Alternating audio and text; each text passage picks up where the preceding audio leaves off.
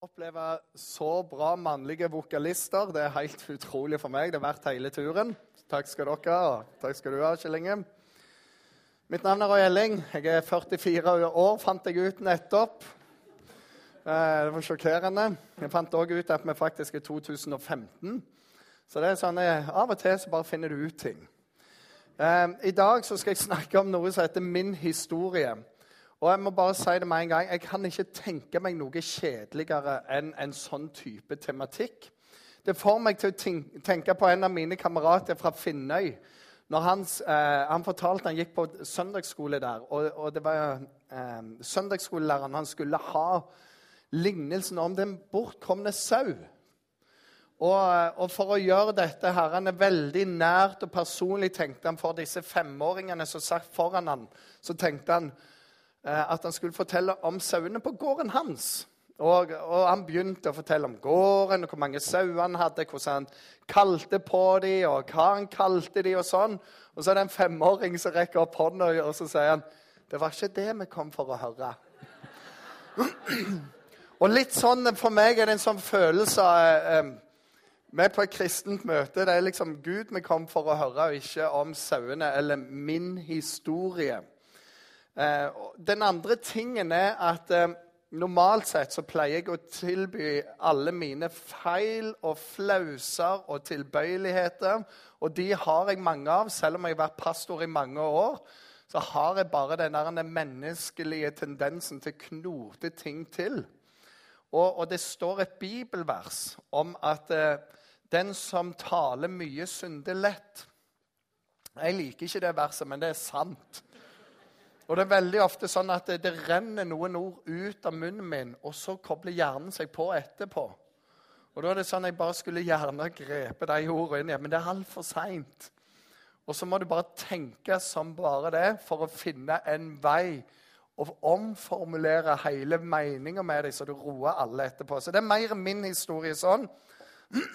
Men dette oppdraget Og så får vi håpe at jeg kan bruke det til å peke på Gud og ikke på meg sjøl. For helt seriøst, jeg syns jeg er utrolig kjedelig og uinteressant som person.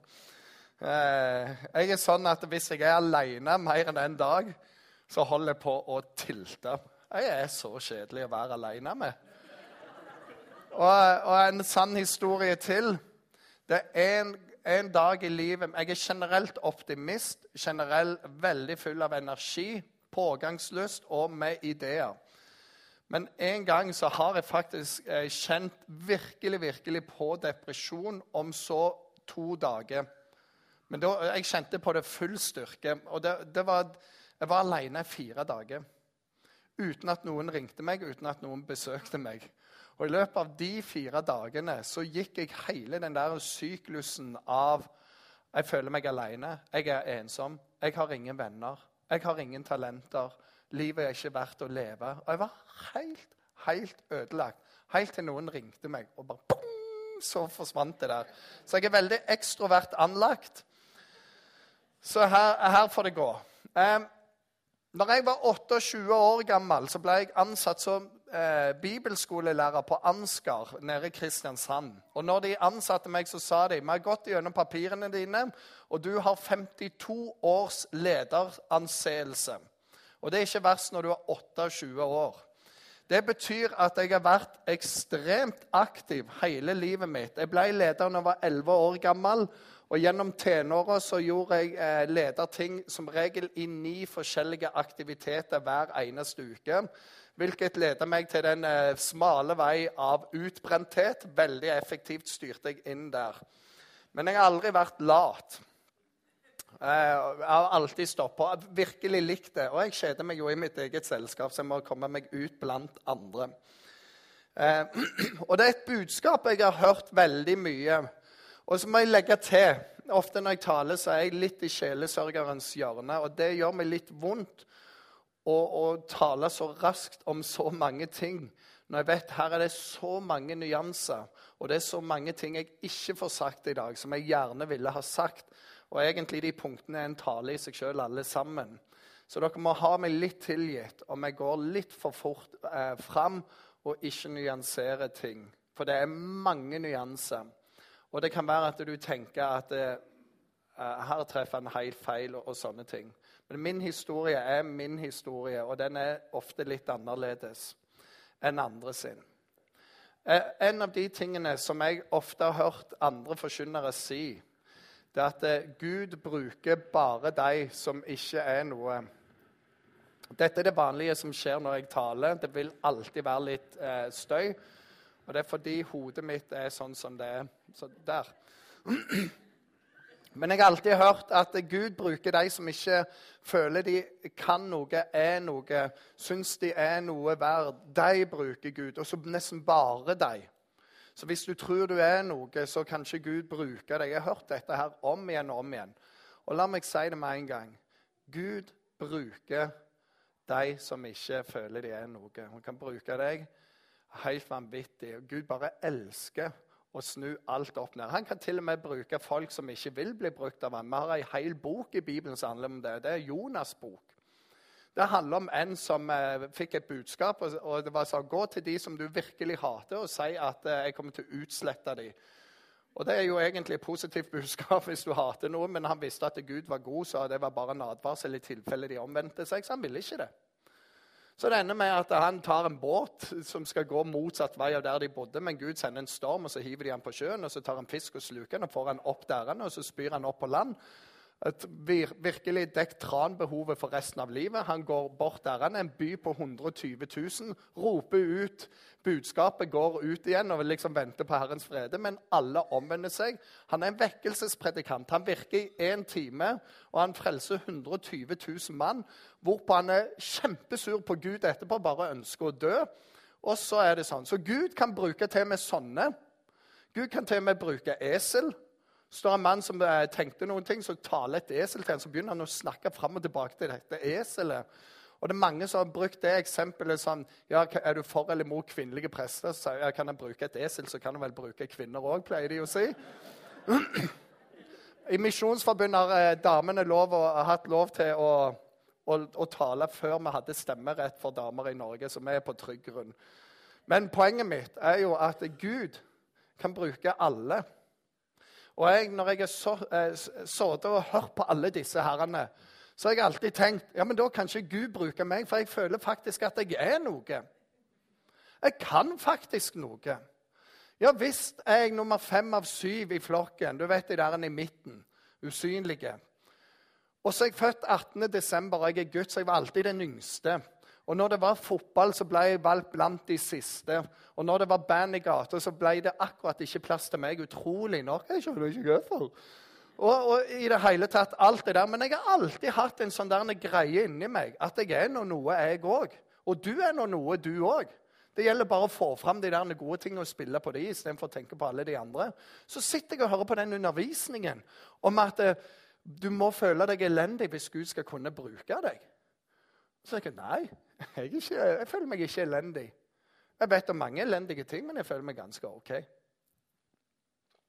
Og så leser jeg i Bibelen, så stemmer det jo ikke det de sier. For de siterer første Korinterbrev om at Gud utvelger seg det som de andre vrakte. Alt sånn, og det er helt greit, for det gjør Gud. Og så gjør Gud mer av det som står. Det er at det er Guds øyne farer over jorden for å finne den som vandrer helt med Han.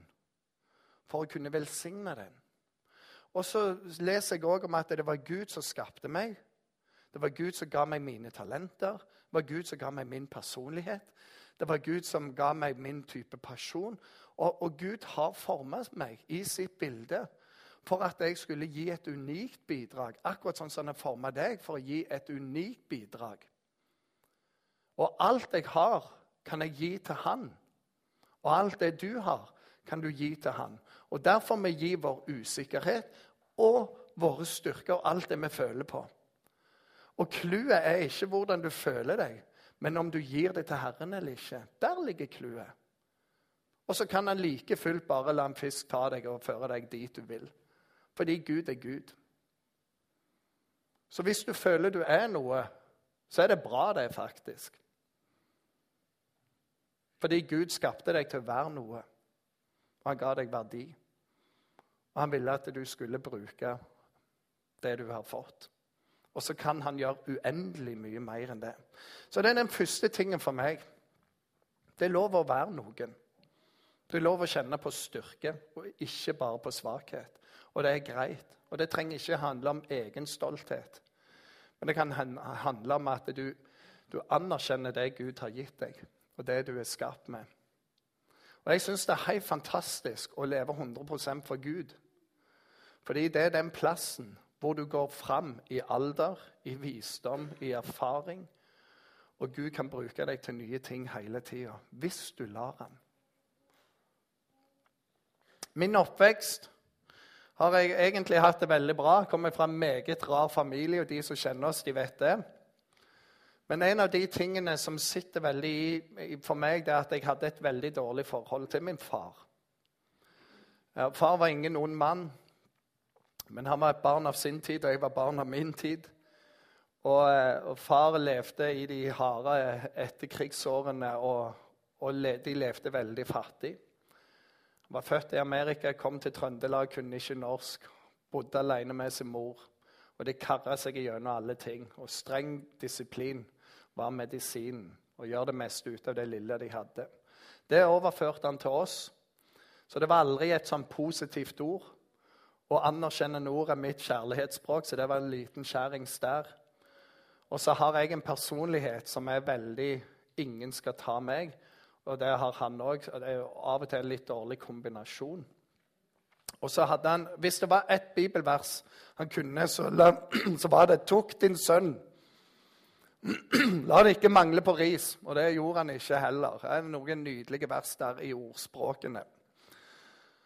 Og, og regelen var den at eh, hvis vi skulle, hadde gjort noe, og vi gjorde noe, det vi var flinke til å gjøre noe og Hver gang du finner folk som gjør noe, så kan du tenke der har du neste pastor. vi som gjorde mest i vår familie med alle pastorer i dag, så det er jo fantastisk. Eh, I hvert fall så var det sånn, Da var det liksom å få ris på rumpa som gjaldt, for det skulle oppdra oss. Og alle mine søsken de visste jo at hvis de bare kom med ei krokodilletåre, så var straffen over, for da var liksom eh, hensikten nådd. Problemet med meg var at eh, jeg har jo det indre budskapet at ingen skal knekke meg. Og da kommer det ingen tårer. Så jeg fikk så mye ris på rumpa at de andre sa nå får det være nok. Og jeg slutta å grine da jeg var syv år, og, og, det gikk veldig mange år før jeg grein igjen. Eh, og ut igjennom det så, så utvikla jeg et forhold eh, som ble verre og verre, og, og til slutt så hata jeg min far. Og jeg tenkte i en alder av ti år når jeg er gammel nok, så skal jeg drepe deg. Det var min tanke. Problemet var at jeg hadde fått begynne i Misjonskirka på Bryne. Og der, eh, der, lærte jeg et bibelvers. Eller bare jeg hørte det, og så satte det seg inni meg. Og det er du skal hedre din far og din mor, så det går deg godt. Og du får bo lenge i landet. Og så var det en sånn greie med det bibelverset at det bare bårte seg inn i meg. Og så visste jeg det er sant. Men jeg har disse følelsene. Og det begynte en kamp som varte i syv år inni meg. Der, der det, eh, min første bønn var Gud. Jeg vet det er sant, men jeg kjenner på dette. Jeg vil ikke tilgi. Hjelp meg å tilgi. Og Så varte det en stund, og etter hvert så ble den omforma til jeg velger å tilgi. For tilgivelse er aldri en følelse. Det er et valg hver gang. Og fortsatt så var følelsene der. Og etter syv år så merket jeg at nå er det borte. Jeg fikk aldri en nær forhold til min far. Fikk aldri en, en sånn der kompisforhold eller noe sånn. Eh, men jeg fikk fred, og jeg hadde ingen nag imot han.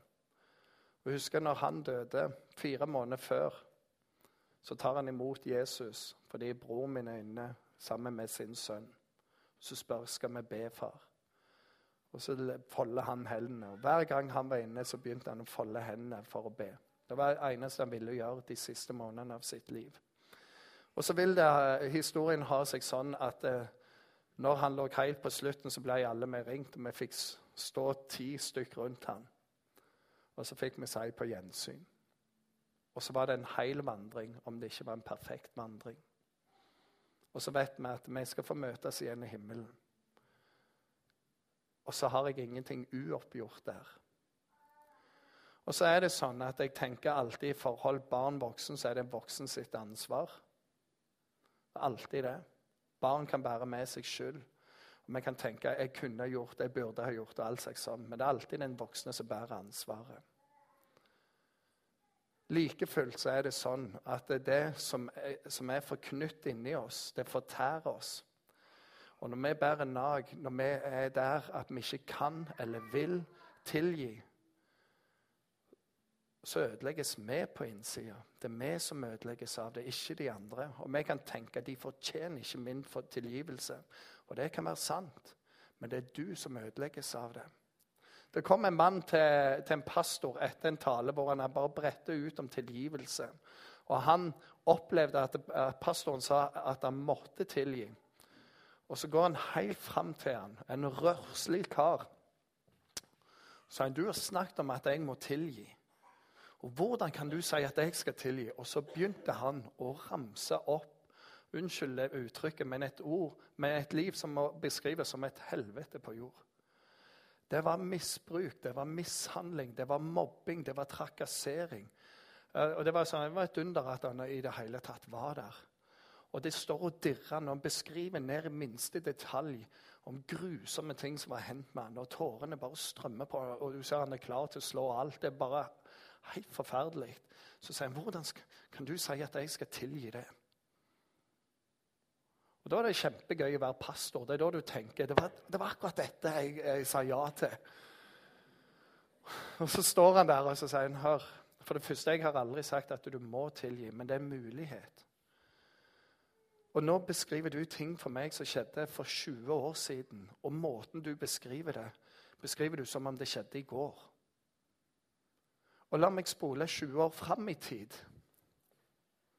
Og Hvis du i dag velger at du ikke tilgir, og du kommer til meg igjen, hvordan tror du du har det om 20 år? Så Jeg er ingen profet, men jeg tror du kommer til å fortelle nøyaktig den samme historien om 20 år som om det hendte i går fortsatt. Og bare du har mye mer bitterhet inni deg, enda mer ødelagt liv, og, og du har gått glipp av en haug med ting. Men la oss nå se på at du her i dag velger å gå den prosessen der du velger dette, og vi spoler fram 20 år i tid. Hvor tror du du da er? Og så igjen, Jeg er ingen profet, men jeg tror at det du kjenner på i dag, har begynt å miste taket på deg og herredømme over deg. Og det kan til og med være at du har funnet helbredelse og gode ting å leve for. Det er det tilgivelse gjør. Det setter deg fri. Tilgivelse handler aldri om rettferdighet og få rett. Men det handler om å bringe Gud inn på banen og få lov å slippe ting. Og Derfor er det et av de store temaene i mitt liv, om tilgivelse. Og Jeg skulle likt å holdt hele talen bare om det punktet der, men det, det var liksom en del av historien min. Den tingen som ligger i dette òg, er når det bibelverset kom Du skal hedre din far og din mor. Så er det en sånn ting som har vært i mitt liv, og som er i mitt liv. At jeg har bestemt meg for at Guds ord har autoritet over meg, og ikke jeg som har autoritet over Guds ord. Jeg har bestemt meg for at jeg skal tilpasse meg sånn som jeg leser Guds ord, istedenfor å prøve å tilpasse Guds ord, sånn at jeg kan leve sånn som jeg vil. Og Det har vært flere sånne episoder i mitt liv der jeg kjenner der taler Guds ord om noe som ikke er bra i mitt liv. Ting jeg må gjøre opp, ting jeg må endre, synd jeg må bekjenne. Og ved veivalg så er det bare sånn Der er et ord, og jeg må gå den veien. Som regel er ikke det den letteste veien, men det er den beste veien når vi får spole det over tid. Og jeg har valgt å stole på at Gud vet bedre enn meg. Selv om vi lever i et samfunn hvor alle vet at de vet best sjøl og skal bestemme alt sjøl, fordi vi er verdens mest individuelle, narsissistiske og egosentriske nasjon. Alt handler om meg. Jeg er min egen gud, jeg er min egen lykkes med, og jeg tar akkurat det jeg vil ha. Og Så er det bare ikke sånn. Jeg har valgt at mitt liv skal være under Guds ords autoritet. Og det er kjempespennende. Og det er irriterende. Og det er fortærende. Og det er inspirerende, og det er alt på en gang. Men det er best. For noen år siden så fikk jeg lov å være pastor i Salem i Kristiansand, som er en misjonskirke. Jeg fikk lov å lede et arbeid fra det var 20 personer der, til det var 500 på møtene. Det var 300 i cellegrupper, og det var 200 medarbeidere. Det er ganske OK arbeid, det. Det er ganske kjekt. Det er ganske gøy å tale for en sånn forsamling når det er smekkfullt overalt. Når du vet at hvis du ikke er der ti minutter før møtet begynner, så kan du i grunnen gå hjem, for det er ikke mer ledige plasser. Det er kjekt. Så var det bare det at jeg er pioner. Så den fasen var over på et tidspunkt. Jeg visste at Gud kalte meg ut av det der. Problemet var at Gud ikke kalte meg inn til noe enda kulere. Og, og jeg visste jeg var kalt ut, men ikke inn. Og jeg ba mye om dette her til Gud. Og så, og så ender jeg opp med at ja, men Røyling, du har familien din. Du kan jo lede den, da. Og Jeg er sånn, jeg syns det er veldig kjekt å lede 100, men ikke én. Og Der er vi forskjellige. Noen bare gir meg én, eller gir meg fem, eller gir meg ti. Jeg er sånn gi meg 1000. Kjempebra. Og det jeg sa når jeg slutta i Salem, jeg har ledet 500, men jeg har ikke ledet 1000. Det er neste gang. Og jeg mener det jo faktisk. Du vet de der som er født med en sånn der positivitetsgreie? Så jeg styrer inn mot det nå. Men jeg opplevde igjen at Gud bare talte utrolig inn i mitt liv, og det var sånn Er du villig til å lede i det mandat jeg gir deg, eller må det være på din måte? Og det var en sånn Og det måtte jeg gå noen runder på. Men så igjen det når Gud taler, hva gjør du da? Og så ser jeg rundt meg at det er mange som ja, Gud har kalt meg til tjeneste. Og rart nok så er det alltid en tjeneste på plattformen. Det er alltid på den plattformen hvor det er mest folk. Og jeg ser ikke veldig mange av de som er kalt til å bare tjene og ta disse småjobbene eller hjelpe til der det trengs. Men veldig ofte der det er kult. Men etter Gud jobbet det der i meg, så har jeg bestemt meg for stort eller lite, hvem bryr seg? Der Gud vil ha meg, der vil jeg være. I Jesus sitt virke. Han talte for 5000, han talte for 3000. Men hvem var det som gjorde noe? Det var de tolv som han investerte i. Der var kruttet. Det var i enkeltmøtene. Og Der ønsker jeg å være. Jeg vil lede i det mandat Gud gir meg, stort eller lite. Og akkurat nå så får jeg lov å lede i stort og lite samtidig. Og jeg syns det er kjempegøy. Den andre tingen Gud jobbet mye med meg i, det var eh, Jeg var kalt ut, men ikke inn i noe. Jeg liker å ha fast jobb. Jeg liker fast inntekt. Jeg er jærbu. Og Gud forsørger oss jærbuer med arbeid. Det er veldig enkelt. Det er veldig enkelt. det der. Arbeid, gjør deg fortjent til lønna di, få den, og så kan du heller gi noe. Det verste med jærbuer vet, det er å få noe vi ikke har fortjent. Det går ikke. Du må gjøre noe for det. Og så, og så må jeg si det, og jeg har flere i familien, sånn, og det er ikke meningen å rakke på noen, men for oss jærbuer er det av og til problematisk med ungdom i oppdrag. Min svigerinne har vært der, og, og mange andre. Og, og ungdom i oppdrag er kongebra. Men det er alle de som ikke jobber, men føler at Gud vil de skal reise til Hawaii. Og de vil at jeg skal spandere mine penger for at de skal være på Hawaii. Og, og for, for, en jærbu så kan det være litt sånn vanskelig. For en jærbu vil da, når han er hjemme fra juni til august, jobbe skikkelig skikkelig mye, sånn 70-80 timers uker, for å ikke være noen til byrde, så han kan reise det året på Hawaii. Mens disse byfolka de føler at Gud kaller dem til 'Herren har ledet meg til de grønne enger.' 'Jeg bare hviler for Herren.' Så han har dekket bord for meg. For de føler de må samle krefter før de skal ut i misjonen og sende Facebook-bilde fra stranda på Honolulu. Det er bare sånn vi, så vi jærbu har litt problemer med det der. Leve i tro. Så var det bare at jeg kom dit. Ja, du har ikke noe jobb, Royelen. Hva gjør du nå? Og, det, og jeg bare bestemmer jeg skal ikke tigge penger. Det er det verste jeg vet. Men Gud spurte meg et spørsmål, og det er er jeg din forsørger, eller det er du som er det. Og jeg har alltid hatt sånne enkle, kjappe svar. Matematisk anlagt. Så jeg, selvfølgelig er du min forsørger. Jeg prøver å la være å jobbe en dag i uka. Hardt nok for en jærbu. Og jeg gir min tiende. Og det er de to tingene jeg leser i Bibelen som sier at eh, da er Herre min forsørger. Hvis jeg gir min tiende og lar være å jobbe en dag i uka, da sier jeg med alt at Herren er min forsørger. Og så visste jeg ja, Det var ikke det jeg spurte om. Er jeg din forsørger når du ikke har arbeid? Så kjente jeg nei, det er litt hardt. nei, egentlig ikke, Gud. Sorry. Og Gjennom det året så fikk jeg det ene vikariatet etter det andre. Og alle jobber jeg fikk, det var sånn Vi trenger noe nå. Og Gjelling, du kjenner oss. Du er den eneste som kan gå inn i det. Kan du ta det? Og For hver eneste gang så ydmyker Gud meg mer og mer, helt til jeg bare så OK, Gud, du er min forsørger. Og Det var noen skikkelig pinlige sånne gaver fra en ungdom. Jeg fortalte ingen hvordan vi hadde det økonomisk. Og Til slutt så får jeg gave fra en ungdom fra Jæren. Fordi han visste vi skulle til USA for familieferie, som var sponsa av noen. Og det var bare sånn, oppå, Men vi hadde ikke lønn, da, så jeg tenkte jo på alle regninger. Så han satte inn noen lommepenger til oss. og tenkte Han hadde kanskje satt inn 500. Problemet var at han var en jærbu, så han hadde satt inn 5000. Og Det var nådestøtet i mitt liv. Og Da sa jeg Gud, du er min forsørger. Om jeg ikke forstår, om jeg eh, begynner å bekymre meg for det jeg kan gjøre når det gjelder økonomi, så er du min forsørger. Og Etterpå så har jeg hatt mye å bekymre meg for.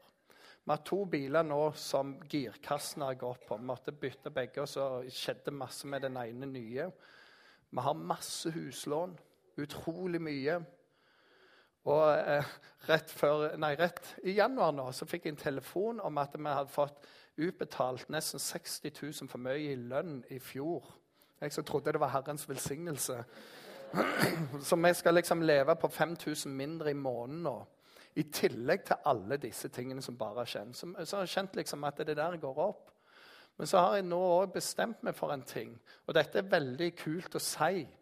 For at det står de som ber høyt på gatene, de har allerede fått sin lønn. Og når du ber, så må du skjule det. Og alt du gjør, må du skjule. Du må ikke vise hvor mye du gir. Og her står jeg og sier det. Så da mister jeg all min lønn i himmelen. Men oppdraget var nå det det var. Og greia var Før dette året her så har jeg bare bestemt meg for at vi skal så inn så mye vi kan i Guds rike. Og jeg skal så så mye inn av økonomi at jeg virkelig kjenner det. Jeg kjenner det ubehagelig. Og kjenner at jeg har egentlig lyst på de der pengene sjøl. Fordi det er en større skatt i himmelen enn det det er på jorda. Og det har vært min bestemmelse. Å så inn og så inn i Guds rike. Og jeg har en intensjon om å prøve å øke det for hvert eneste år. Så mer inn og så mer inn. Fordi jeg elsker Gud. Og jeg vet at penger er utrolig avgjørende for å gjøre det Gud vil vi skal gjøre i denne nasjonen og i verden. Og fordi i de rike land så er kirkene fattige. Og det kan ikke være sånn. Vi som er litt yngre, må òg komme på banen og begynne å gi rikelig. Og det har jeg bestemt meg for å gjøre. Og vet du hva? Det er frigjørende. Det er utrolig frigjørende å leve sånn. Og det er utrolig utfordrende. Jeg skal slutte av nå.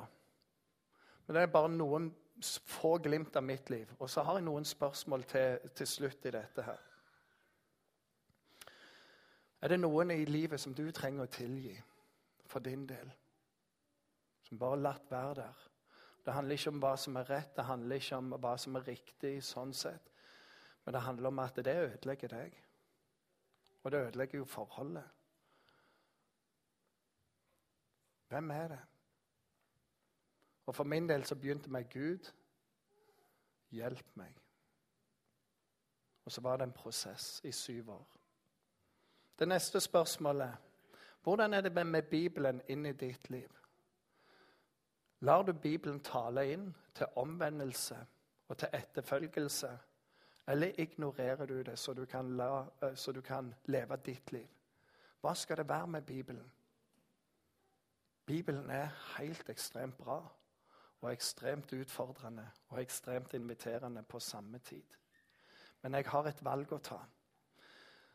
Neste spørsmål Er du villig til å lede i det mandat Gud gir deg, der han åpner ei dør, og gjør det beste ut av det? Stort eller lite betyr ingenting. Om du har en stor drøm for ditt liv, og de sier ja, du kan gjøre det, og du tenker det er for lite, da er du likevel villig, for det er det som er åpent for deg. Og gjør det beste med et smil, med en, en holdning om å være en tjener. Eller må det være på din måte? For de som tjener av hjertet, de som bringer en god holdning, de blir alltid løftet. Men de som griner over ting, de kommer aldri i mål. Og hvordan er det med økonomien din? Er det din? Eller ønsker du å være med så inn i Guds rike? Og la Gud utfordre deg på det. Og Jeg ønsker ikke for min del å leve på et tiendenivå, men hvis du ikke har gitt noe fast, begynn å gi noe fast. Det er det største steget av alle, fra ingenting til fast. Det er et kjempesteg. Men etter hvert, hva om du begynner å komme deg opp på den tienden? Og hvis du har levd på tienden, hva om du lar Gud utfordre deg videre? Det er bare utrolig kjekt. Det fins tre nivåer. Gi så det svir, gi til det slutter å svi, og gi deg glad. Kom deg over på å gi deg glad så fort som mulig. Det var litt ifra mitt liv. Skal vi be. Himmelske Far, jeg takker deg for din godhet og din nåde over mitt liv, Herre. Og For meg så er mitt liv er så utrolig uinteressant, men du er alltid interessant. Og takker deg for du har vært tålmodig med meg, du har vært god mot meg. Og takker deg for hvordan du har talt inn i livet. Det har ikke vært lett, men det har vært det beste. Jeg takker deg hvordan bitterhet har måttet gå fordi jeg valgte å tilgi. Jeg takker deg for hvordan du har hjulpet tankelivet, følelseslivet, og du har, har ledet og fortsatt å lede. Takker deg for at du er nådig mot meg fortsatt, og god mot meg, og tålmodig med meg, akkurat som du er med alle andre her. Så ber jeg for meg, og så ber jeg for oss, om at du må hjelpe oss til å la deg utfordre oss. At du skal få lov å lede oss videre inn i nye trossteg, inn i nye ting med deg, sånn at vi kan se nytt, lære nytt og leve nytt. I Jesu navn. Amen.